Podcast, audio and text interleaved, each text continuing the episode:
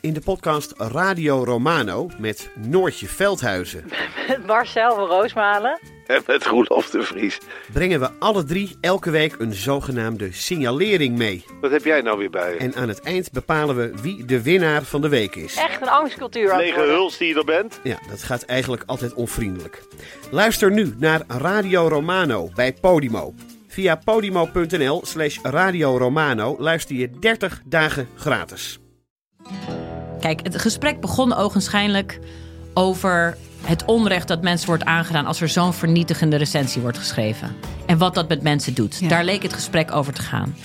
Maar gaandeweg, en dat is dankzij goed redactiewerk van mijn eh, redacteur destijds, blijkt dat die test niet deugt. Via podimo.nl slash gonzo luister je de eerste 30 dagen gratis naar Podimo. podimo.nl slash gonzo. Hallo, vanuit een studio in Nijmegen is dit de wekelijkse podcast van de Groene Amsterdammer. Ik ben Kees van der Bos.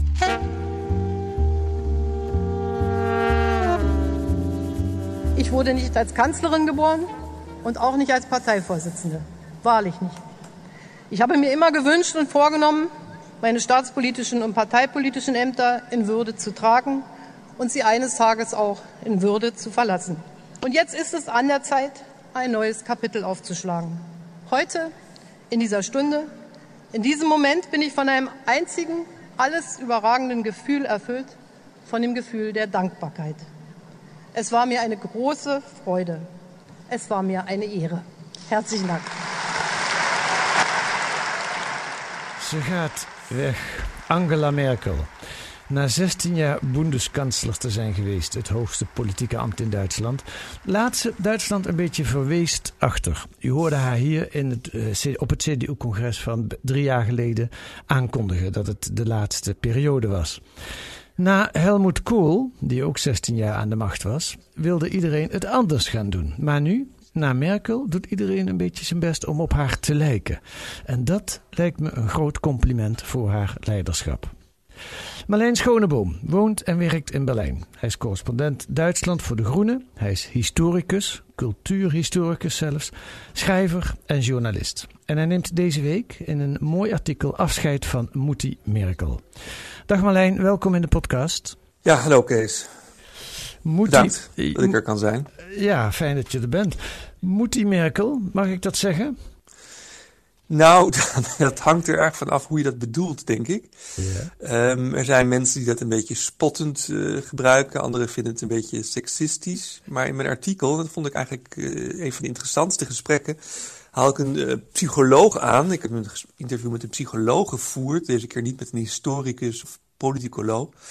En die gaat er heel diep op in, juist op dat moetie, ehm, dat moetie-woord. En dat was deze keer erg interessant.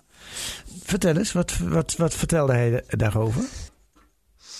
Nou, hij gebruikte dat cliché, wat het uiteindelijk toch is, ehm, maar vond dat dat toch eh, gebruikt kon worden. Eh, hij omschreef haar als de moeder der natie. In die zin dat ze, als het ware, ehm, ja, niet alleen de, de burgers als haar kinderen opvatte, hè, zoals wel eens wordt gezegd, maar ze gedroeg zich ook zorgzaam, eh, zei hij. Zelfopofferend, eh, onzelfzuchtig. Maar tegelijkertijd zat daar ook een, een klein probleem aan vast. Omdat ze, ze nam als het ware de problemen van de burgers af, eh, zo zei hij. Wat er natuurlijk ook voor zorgde dat ze ook de verantwoordelijkheid van burgers afnamen. Mensen vonden het ook wel fijn. Ze vonden het erg fijn dat er iemand was waarvan het leek alsof die eigenlijk wel alles zou oplossen. Ik denk dat dat een heel, heel ja, typische, typische omschrijving is. En als je daar het woord mo- moeder voor wil gebruiken, dan, en dat is dan niet seksistisch bedoeld, ehm, vind ik dat eigenlijk wel, eh, wel, wel passend. Want dat merkt hij ook wel een beetje, moet ik eerlijk zeggen. Ja. Nou ja, wat het voordeel daarvan is, dat kan ik me wel bedenken. Maar blijkbaar heeft het ook een nadeel. Wat, wat beschrijft die man als het nadeel? Ja, hij, hij heeft daar twee eh, voorbeelden van. Van de ene kant het verantwoordelijkheid afgeven. Denken, nou ja, het, het wordt wel opgelost hè, door Merkel, die ook wel de, de crisiskanselier inmiddels wordt genoemd, omdat ze zoveel grote internationale crisis heeft opgelost. En uiteindelijk het, kwam het steeds weer goed. dus dat, dat is dus het, het, het grote, een van de grote voordelen. Mhm. Het nadeel is als je het afgeeft, dat er dan ja, bij burgers, eh, wat hij dan vond en wat meerdere critici ook zeggen, ontstaat er wel zoiets als stabiliteit, mhm. rust, mhm. maar dat zou ook stilstand kunnen zijn. Dat dingen dus mensen niet uh, actief worden en zeggen wij willen dat en dat veranderen en dan gaan we actief voor aan het werk. Nee, er wordt eerder gedacht van nou ja, het wordt wel opgelost. Hè? De, de, de persoon boven ons lost dit wel op. Dat is één nadeel. En het tweede nadeel was natuurlijk, was natuurlijk dat mooie moment.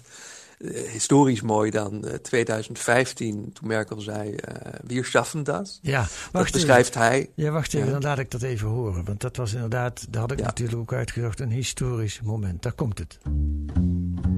Ich sage ganz einfach, Deutschland ist ein starkes Land. Und die, das Motiv, in dem wir an diese Dinge herangehen, muss sein, muss sein, wir haben so vieles geschafft, wir schaffen das. Wir schaffen das und wo uns etwas im Wege steht, muss es überwunden werden, muss äh, daran gearbeitet werden und der Bund wird alles in seiner Macht Stehende tun, zusammen mit den Ländern, zusammen mit den Kommunen, genau das durchzusetzen.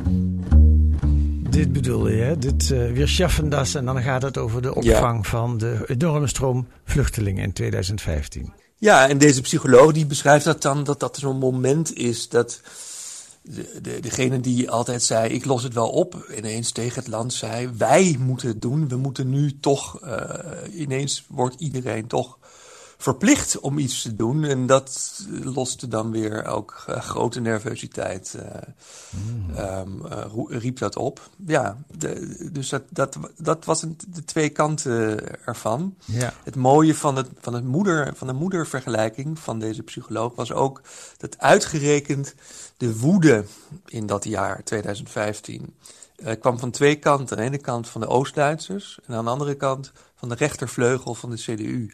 Hmm. En uh, binnen, dat, binnen dat, die moedervergelijking past dat ook wel. Uh, omdat de Oost-Duitsers, Merkel zelf Oost-Duits, kwam, heerste dat gevoel, hé, hey, ze zorgt voor het miljoen vluchtelingen of de miljoen migranten die binnenkomen. Maar, maar voor ons, ofwel ze zelf een van ons is, doet ze niks. Hè, dat gevoel, teleurstelling over de moeder. En ten tweede die CDU uh, als grote familie, waarin de moeder ineens niet meer naar die rechterkant kijkt. Waar een soort conflict gaat ontstaan tussen links en rechts binnen de CDU. Nou, dat beschreef deze psycholoog ook als een, als een broederstrijd. Nou ja, in die zin vond ik het wel mooi. Ja, ja. ja.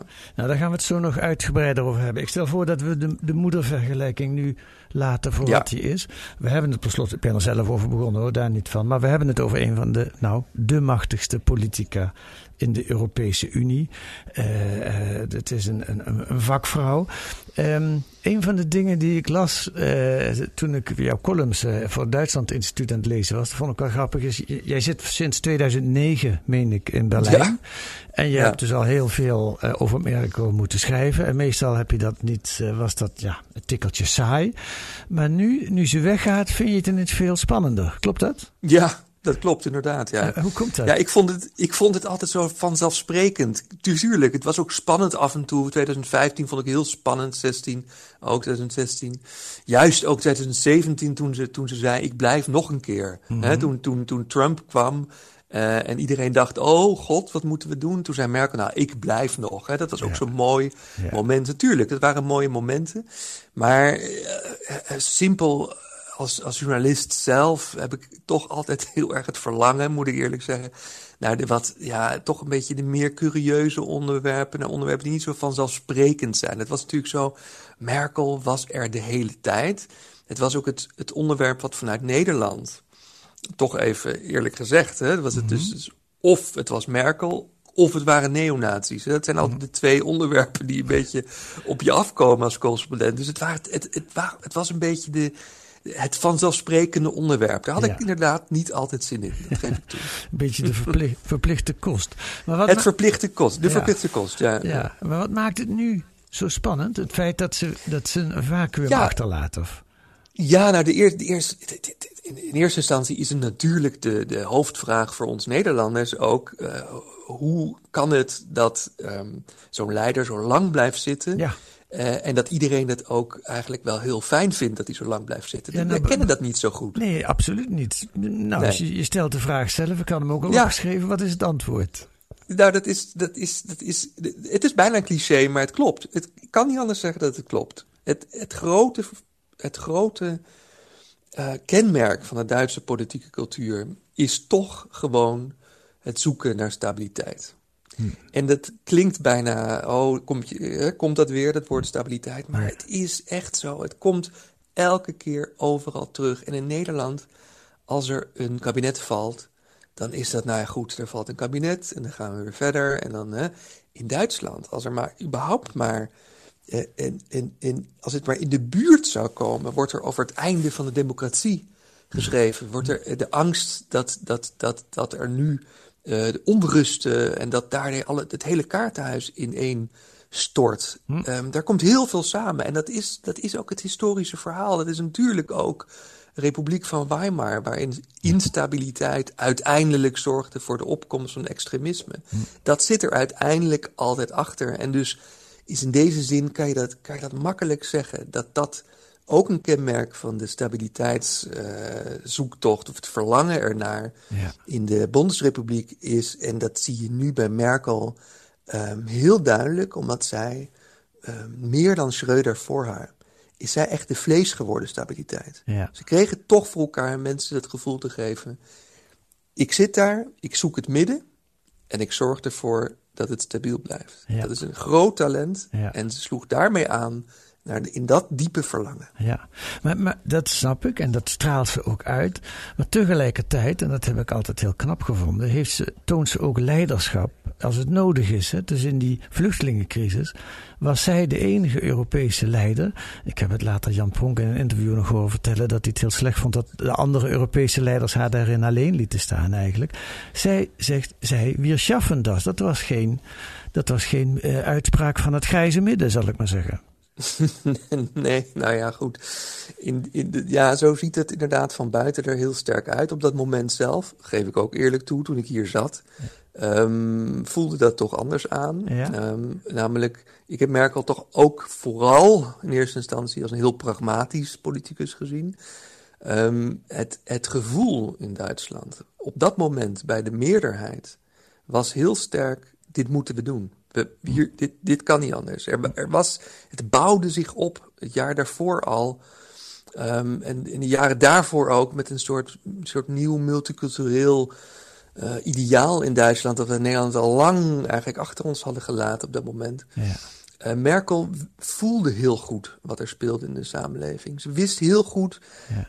uh, hoe ze dus van die grote, grote thema's um, kon bespelen. Hm je kan zeggen achteraf, natuurlijk, daar speelt ook een gedeelte van haar, was dat haar eigen overtuiging. Maar op dat moment zette ze geen, uh, zette ze geen uh, stap die ver weg lag van dat wat de meerderheid van de bevolking in Duitsland vond. Hm. Op dat moment, in die begin september, paste dat uitstekend. Ja. Men, ze had dat feilloze gevoel voor de meerderheid, waarvoor ze altijd zo werd ge, wordt geloofd dat was op dat moment speelde dat goed mee. Later zou je kunnen zeggen, heeft ze dat een beetje, uh, is dat een beetje kwijtgeraakt in dat jaar. Maar op dat moment speelde dat uh, mee. Hoe bedoel je? Later is ze dat een beetje kwijtgeraakt? Nou ja, er onder, ik, bedoel, het, het, ik woonde al, al toen al lang in Duitsland, maar wat ik in die maanden daarna meemaakte, dat was echt ongekend.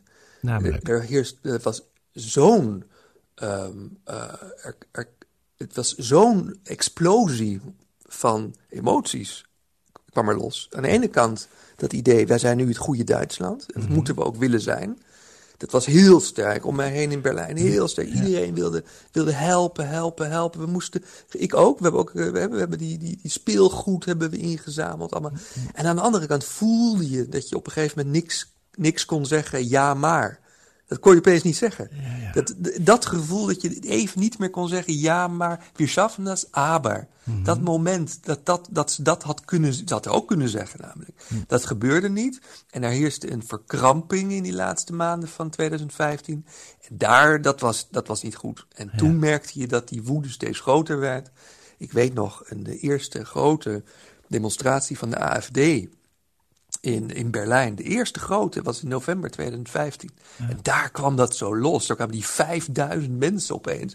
En niemand wist waar die vandaan kwamen. Want de journalisten hadden er nauwelijks over geschreven. Want dat, hè, dat hoorde niet. En, en toen merkte je, alsjeblieft, gaat, laat iemand nou even zeggen dat je ook kritiek mag hebben. Of dat je ook uh, de nadelen mag noemen. Maar op dat moment, in die paar maanden, gebeurde dat niet. En dat was niet goed. Ja, en dat is opnieuw weer een product van die historische last die de Duitsers. Oh ja, nee, dat was, dat was, dat was, dat was, nou, dat was, ja, voor een gedeelte, maar dat was natuurlijk ook dat, dat ideaal wat in Duitsland onder Merkel groot is geworden. We zijn het goede Duitsland. Ja. Dat was in, Ja. die, in het, onder Kool natuurlijk helemaal niet zo. Ja. Onder Helmut Kool in de jaren negentig was het een veel conservatiever land. Waarin heel, heel duidelijk ook de, de, de, de discussies over asielbeleid veel, veel rechtser waren dan eh, hè, de, de- wat we in Nederland toen heel erg vonden. En later in Nederland zelf zijn gaan doen. Dat is onder Merkel waren we uiteindelijk het ideaal wat in Nederland in de jaren negentig het ideaal waren. Dat is onder Ja. Merkel gebeurd. Ja. En toen, toen dat, dat was heel sterk. Dus in die jaren dat ik in Duitsland woonde, heb ik, me- heb ik eigenlijk mee, mee beleefd hoe, hoe er een, een, een, een, dat gevoel, wij zijn een nieuw soort Duitsland, we zijn een goed Duitsland, culminerend in 2015. En nu moeten we ook het goede Duitsland zijn. En dat, en dat laatste was misschien helemaal niet nodig geweest. Want je kon ook goed zijn zonder, zonder jezelf helemaal af te sluiten voor, voor nadelen of voor kritiek of wat dan ook. Ja. Nou, misschien is het wel aardig, je noemt die tijd, de jaren negentig. Toen was Duits. Kijk, Merkel is ook bij ons in Nederland vers- verschrikkelijk populair. Hè. Ze, Ja. ze is misschien wel populairder in het buitenland dan in Duitsland, als dat kan. Ja. In de jaren negentig dachten wij eh, heel anders over Duitsland. En als, als illustratie daarvan geldt, dat lees ik ook vaak in jouw artikelen, de, de actie in, wat was het, 1993 geloof ik, Ja. van twee discjockeys. Nou, een van die discjockeys vertelde me, ik ben woedend. Een miljoen briefkaarten gingen er richting Duitsland. Eh, luister naar hoe- Peter van Brugge die daarover vertelt. Ik ben woedend. We zagen een bericht in de, in de krant van die vijf vrouwen en meisjes die in een brandend huis omkwamen. Omdat het door rechtsextremisten in brand was gesproken. En dan kun je dus twee dingen doen. Je kunt wachten op de krant van morgen. Of het erger wordt of overgaat. Of je kunt zeggen, en nou pik ik het niet meer. En nou gaan we wat doen, want we hebben een actiemedium. Ja. Namelijk radio. Dat zijn we gaan doen. De Eh, briefkaartenactie. en dat is toen storm gaan lopen die eerste dag al Ja, meteen. het leefde enorm. Dat kan Ja. me nog heel goed herinneren. Ja. 1,2 miljoen briefkaarten gingen op een gegeven moment op transport eh, naar Duitsland. Ja. Je doet iets. En je denkt niet na verder over of dat effect heeft. Je wil alleen je, je, je kwaadheid uit. Ja, niet doen is geen En optie. solidair zijn met de mensen die in Duitsland ook kwaad zijn. Briefkaarten die op transport gingen. Het lijkt een soort Freudiaanse verspreking die de interviewster daar maakt. maar, maar ik weet nog zelf in die tijd, ik vond het een onzinnige actie. Eh, eh, maar het was echt heel erg, wij zijn goed en die Duitsers zullen we eens een lesje leren dat het zo niet langer Ja. door kan gaan. Hè? Dat klopt, ja. ja. Ja, ik heb dat zelf natuurlijk ook eh, meegemaakt. Mijn eerste, eerste eh, ik bedoel, ik, kwam niet, ik ging niet naar Duitsland. Dat, dat deed je niet. Ik kwam uit een familie waar je dat niet deed. Ja. Dat kwam pas veel later toen Berlijn zo, zo, zo interessant werd. Maar in, inderdaad, dat was zo. Maar dat, dat is achteraf, eh, past het ook veel, veel past het ook goed in een veel grotere context van dat Duitsland, wat net eh, een eenheid was geworden. Ineens weer dat enorme grote land was, Ja. eh, midden in Europa. Waar op dat moment ook, en dat klopt ook echt, een golf van aanslagen plaatsvond eh, op asielzoekerscentra. Dus er was er ook, het kookte ook wat dat betreft. Wat we alleen niet hebben gezien, eh, wat we ook niet konden zien, dat op precies datzelfde moment, in dat jaar 93, dat, dat toen eh, be- dat er toen ook in Duitsland steeds meer mensen daartegen op de straat gingen. Hm. Dus, de, dus de, de, eerste lichtketens, zoals ze worden genoemd, mensen elkaar de hand houden en een, een kaars en zo uh, vasthouden tegen het geweld, dat begon toen ook. Dat, dat is het eerste jaar dat het ook gebeurde. Hm. Maar aan de andere kant was er een politiek debat uh, onder leiding van Kool, wat, wat, wat, wat, ja, dat is niet te vergelijken met hoe Merkel uh, um, de CDU heeft gevoerd. Het was veel rechtser, veel conservatiever. Ja. Veel meer ook um, het binnenboord houden van, van, van de reactionairen. Dat deed hij natuurlijk heel bewust. Ja. Dus er was natuurlijk altijd een, een reactionaire vleugel van de CDU. En dat, was, hij, dat, dat bespeelde die ook. En dat, dat heeft Merkel niet gedaan. En daardoor wordt er ook door politicologen gezegd, daarmee heeft die rechtervleugel ook verloren. Ja. dus dat is ook de kritiek op Merkel. Is dat een fout die ze gemaakt heeft? Nou ja, kijk, in, dat, deed, kijk dat is iets wat, we, wat je dus achteraf zo goed ziet. Dat die, dat die conservatieve toon, of die, die bijna reactionaire toon, als je Kool hoort praten over vluchtelingen of over asielzoekers, dat had ook een politiek doel. Hm. Namelijk het, het, uh, het um, groot houden van de CDU als volkspartij. Dat je dus zorgt dat hij over de hele linie hm. van midden tot rechts um, afdekt. En dat je dus niet verbrokkeling krijgt, maar dat je ook niet het grootste taboe van Duitsland uh, ontwikkelt, namelijk een partij rechts van die CDU. Ja. Dat, dat mocht niet, dat moest vermeden worden. Dus dat deden ze ook op dat moment. Toen Kool in het jaar 1993 ook dingen zei van uh, het, het, het, kan niet, we zijn geen immigratieland. Uh, en anderen zeiden de boot is vol. Hè, een opmerking die in Nederland destijds voor mij verboden was. Ja. Die kon je in Duitsland gewoon zeggen als politicus. Het was ook dat, dat kanaliseren van die woede, het binnenhouden van die rechtervleugel. Maar dat heeft Merkel niet gedaan. En je kan je afvragen, um, had ze dat moeten doen? Ze heeft het geprobeerd. Ze heeft in 2016, 17 heeft ze heel duidelijk um, heeft ze dat soort heeft ze wel, uh, zoals dat heet, uh, strengere uh, beleidsmaatregelen proberen te nemen. Maar uiteindelijk heeft ze het natuurlijk niet meer kunnen, kunnen tegenhouden. Merkel bleef opeens de, de, degene die de vluchtelingen heeft binnengehouden. En ja, dus ze wordt wel verantwoordelijk gehouden door veel, door veel politicologen voor, die, die, voor dat, dat, dat taboe uiteindelijk toch Hallo? Ja, ik ben, ik ben er nog. Ben er nog? Ja, maar er gebeurt wel iets op de lijn. Ik hoor ook van alles. Nou, ben, we waren AFD. Ja, AFD. het, oh, ja. taboe, de, de, de breuk van het taboe ja. van Duitsland met de opkomst van de AFD. Ja. Ja, oké, nou, we zijn er weer. Laten we het even over die AFD hebben. De, de tijd gaat me veel te snel, want ik heb nog veel dingen die, eigenlijk die ik met je wil bespreken. Um, je hebt ooit in een eerdere publicatie gezegd dat zoiets als de PVV uh, in Nederland, dat zou in Duitsland, dat kan niet. Um, maar uh, heb je je daarin vergist? Is de AFD niet eigenlijk een soort, P wat wij de PVV hier noemen, of is dat iets heel anders? Ik, ik denk niet dat ik het ooit heb geschreven dat het niet kan. Ik okay. weet wel dat het, dat het veel, uh, veel gezegd is. Ja. Maar ik heb. Uh, ik heb. Um, en als ik het gezegd heb, laat ik me nu vooral. Laat ik me vooral een beetje indekken. En ja. Dat is ook wel interessant, want als ik het gezegd heb, ja. dan blijft het kloppen. In die zin dat de, de, de AFD, zeker in de eerste jaren en ook nog in 2016 een andere toon hanteerde dan de PVV. Hmm. En dat, dit was natuurlijk weer die typische politieke cultuur. In Nederland is het is natuurlijk, eh, ten eerste is het in Nederland, uh, wordt het grappig gevonden om, om veel dingen zomaar te zeggen, hè, waarvan mm. je weet dat het een beetje pijn doet, een beetje provocatief. Mm. Dan moet je hier uh, toch iets meer voor uitkijken. En dat deed de eerste, de eerste politici van de AFD, de eerste de leiders daarvan, die deden dat heel, heel bewust. Waren ze ook best, best voorzichtig in Nederlandse begrippen. Nu niet meer de zo, tweede, Nu zijn ze... Nee, nu niet meer. Nee, nu niet meer. Nee, nee, nee, nee, nee. nee, nee. nu, nee, precies. En je kunt je eigenlijk... Ah, ja, nee, ga door, ja. Ja, ja goed. De tweede is het zo dat het AFD net iets anders is dan de PVV. Met PVV die heeft bijvoorbeeld een heel interessante...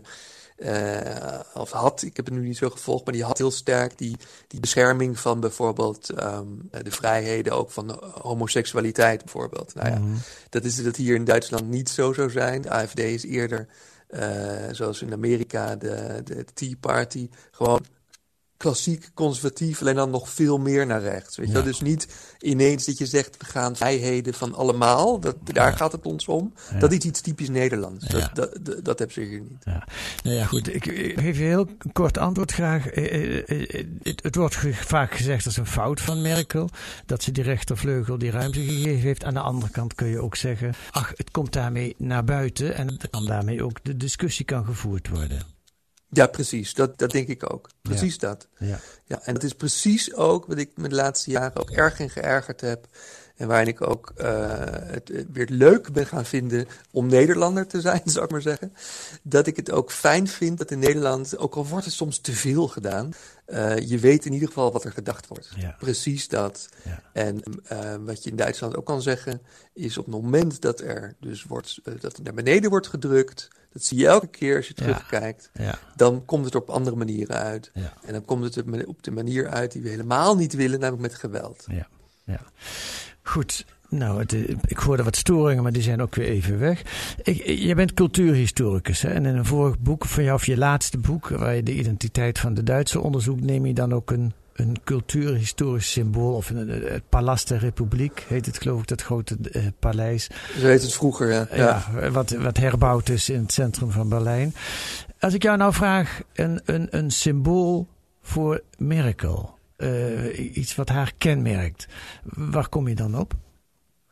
Nou ja, ik, ik kom precies op dat wat iedereen eh, nu ook weer schrijft. Dat is hoe ze haar handen hield. Hoe ze haar handen hield. Hoe ze haar handen hield. Dat is natuurlijk, eh, ja, in Duitsland wordt er nu weer veel over geschreven, omdat haar, haar mogelijke opvolgers doen het af en toe ook. De ruit. Ze, ze, ja, ze hield haar handen in een ruit. Dat deed ze al heel lang. Met de vingertoppen tegen elkaar is dat, Met hè? de vingertop tegen elkaar. Dat er dan voor je buik, Ja. of eh, ja, net, net iets beneden je buik, Ja. ehm, dat er een, ruit wordt gevormd. Nou ja, dan kan je zeggen, is dat zo bijzonder? Het is bijzonder omdat het een politiek gebaar is geworden. In 2013 al eh, heeft de CDU er heel simpel campagnefoto's eh, van gemaakt. En daarmee eigenlijk, ehm, het, wa- het was bijna ironisch bedoeld, dacht ik, maar dat was niet zo. Dat was gewoon die ruit, lieten ze zien. Ja. En dat was bijna al genoeg. Merkel zei op dat moment op televisie ook tijdens een debat: U kent mij, hè, Sie kennen mich. Ja. En, en, en daar, daar kwam heel veel in samen. Dat gevoel, dat, dat gevoel het, is, het is goed zo. Die ruit is er, het is stabiel, Ja. het staat stevig. Eh, dat is dus daarom is het zo uitgegroeid tot het typische eh, gebaar van het tijdperk Merkel. Ja, en weer dat woord stabiel. Die ruit staat voor stabiliteit. Dat zegt die psycholoog in het artikel inderdaad. Dat vond ik, vond ik mooi. Ik kan niet anders zeggen. Ik had Ja. het nog nooit zo gezien. Ja. En, en toen dacht ik, ja, natuurlijk. Ja. Merkel zelf zegt, eh, ja, ik doe het om mijn rug eh, recht te houden. En het is zo mooi symmetrisch. Hè? Merkel is iemand die toch graag nuchtere eh, opmerkingen maakt. Als, Ja. men, als men te ver gaat. In, in, want er is natuurlijk enorm over gespeculeerd. Jarenlang over, de, over die handgebaren. En ik, dat is bij Rutte minder, maar er zijn hier van die enorme persconferenties altijd. Met, met, eh, met, met 200 internationale journalisten zitten daar dan. Ja. En die mogen dan even alles vragen. En, en Merkel krijgt alles over, al de vragen krijgt ze over zich heen. En ze reageert altijd totaal nuchter op dit soort dingen. Dus het is alleen maar simpel om haar rug recht te houden. Maar die psycholoog maakt er dat, dat die ruit, de ruit van, van de geborgenheid van. Hè, buiten de grenzen is het misschien chaos, maar binnen de grenzen is het veilig. Nou, ik vond het prachtig. Ja, ja, ja. Goed, maar eh, ze gaat weg, de ruit gaat weg en, de, en, de, en ze laat ons en vooral de Duitsers verweest achter. Eh, laten we nog eh, tot slot naar de toekomst kijken. Eind deze maand zijn de verkiezingen.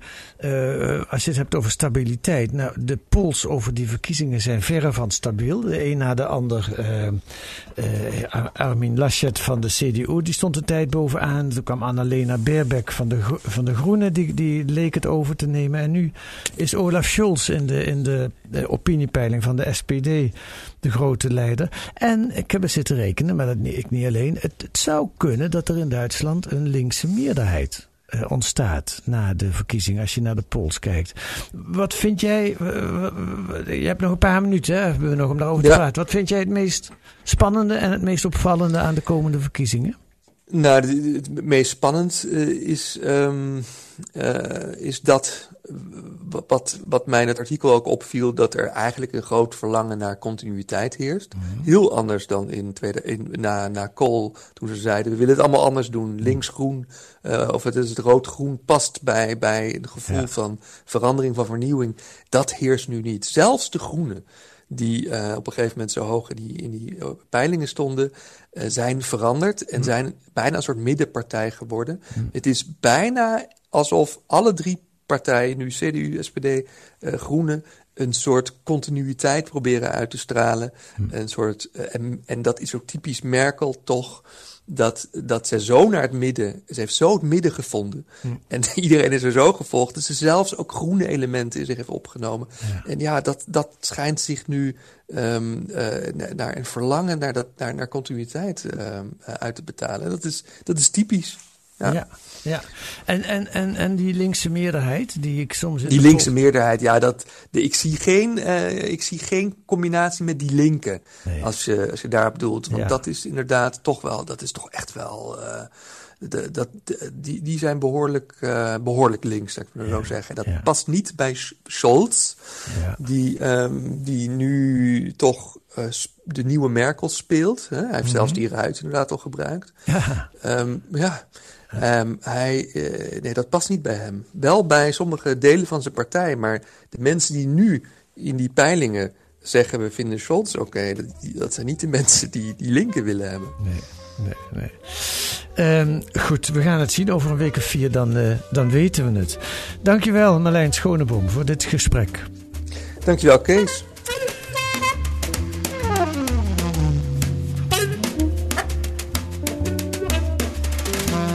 Deze week in te lezen in de Groene Amsterdammer. En wat staat er nog meer in de Groene? Een reportage over koolstofboeren die geld verdienen aan hun gewassen en bomen die CO2 absorberen. En de koolstof die zo wordt vastgelegd, die verkopen ze, deze boeren, aan bedrijven die hun uitstoot willen compenseren. Overal is weer een markt voor te vinden. En een stuk over het Bataclan-proces. U weet nog wel, die verschrikkelijke aanslag in Parijs. Hoe lang is het geleden? Drie jaar geleden? Vier jaar geleden? Volgende week begint dat proces. Overlevenden en nabestaanden komen aan het woord. En ze zijn nog elke dag bezig met de gevolgen van deze bloedige aanslag. U kunt het lezen met een abonnement of een proefabonnement. Ga dan naar groene.nl, daar wordt dat allemaal uitgelegd. U kunt reageren op wat u gehoord hebt op ons mailadres podcast.groene.nl. U mag ons ook sterren geven in uw podcast-app, daar worden wij weer erg blij van. Volgende week ben ik weer met een andere auteur van een groene artikel. En deze week werd de podcast gemaakt door Misha Zaat en Kees van der Bos. En de muziek die u hoort is A Tune for N van Paul van Kemenade.